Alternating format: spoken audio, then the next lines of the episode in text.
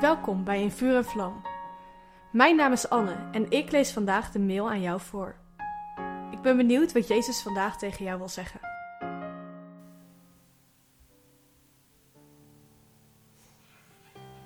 Tongentaal is één van de raarste gaven uit het rijtje, denk ik. Het is een vreemde, bestaande of niet bestaande taal die je gebruikt tijdens het bidden. In het boek Handelingen lees je in bijvoorbeeld hoofdstuk 2 dat wanneer de discipelen vervuld worden met de Heilige Geest, ze in vreemde talen beginnen te spreken.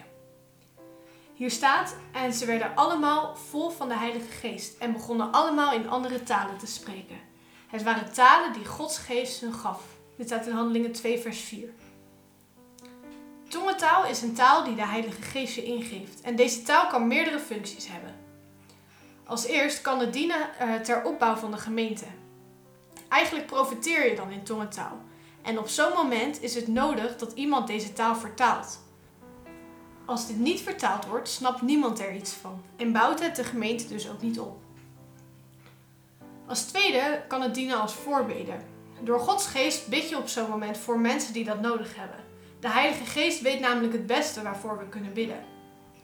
En als laatste kan het ook dienen ter opbouw van jezelf. Tongentaal is een soort geheimtaal tussen jou en God. Je kunt door deze taal de verlangens van je hart bij God brengen, die je met je gewone taal niet kunt omschrijven. En even eerlijk, het is echt heerlijk om in tongentaal te zingen of te bidden. Voor mij was tongentaal heel lang iets onbekends en iets raars. Toch was ik er altijd wel nieuwsgierig naar. Hoe werkt dat nou? En hoe is het nou om een taal te hebben die zo intiem tussen jou en God is?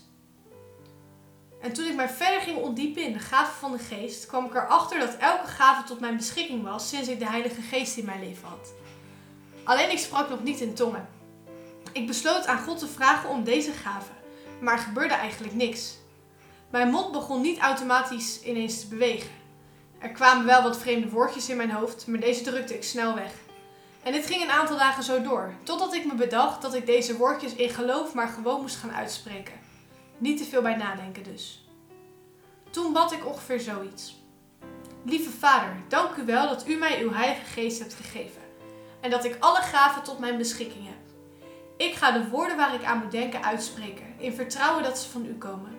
Wilt u de woorden wegnemen als ze niet van u zijn? Kom, Heilige Geest, in Jezus' naam. Amen. Ik begon de woorden uit te spreken die in mij opkwamen. Dit ging ik steeds vaker doen, op de fiets, onder de douche, eigenlijk altijd als niemand keek. In het begin merkte ik er niet zoveel van, maar op een gegeven moment merkte ik dat, dat het echt was. Ik werd erdoor opgebouwd. Tongentaal werd voor mij ook een van de manieren om mijn verstand soms even los te laten en God gewoon te vertrouwen. Tegenwoordig bid ik elke ochtend. Ik geloof dat als je je dag begint met bovennatuurlijke woorden, je ook een bovennatuurlijke dag zult krijgen. Verlang jij ook naar deze gave? Dan daag ik je uit om hetzelfde gebed te bidden dat ik bad. Ik ben benieuwd wat je ervan gaat merken.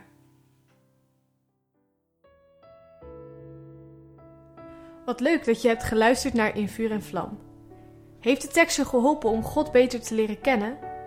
Deel In Vuur en Vlam dan met je vrienden. Meld ze aan op streef.nl slash in vuur en vlam.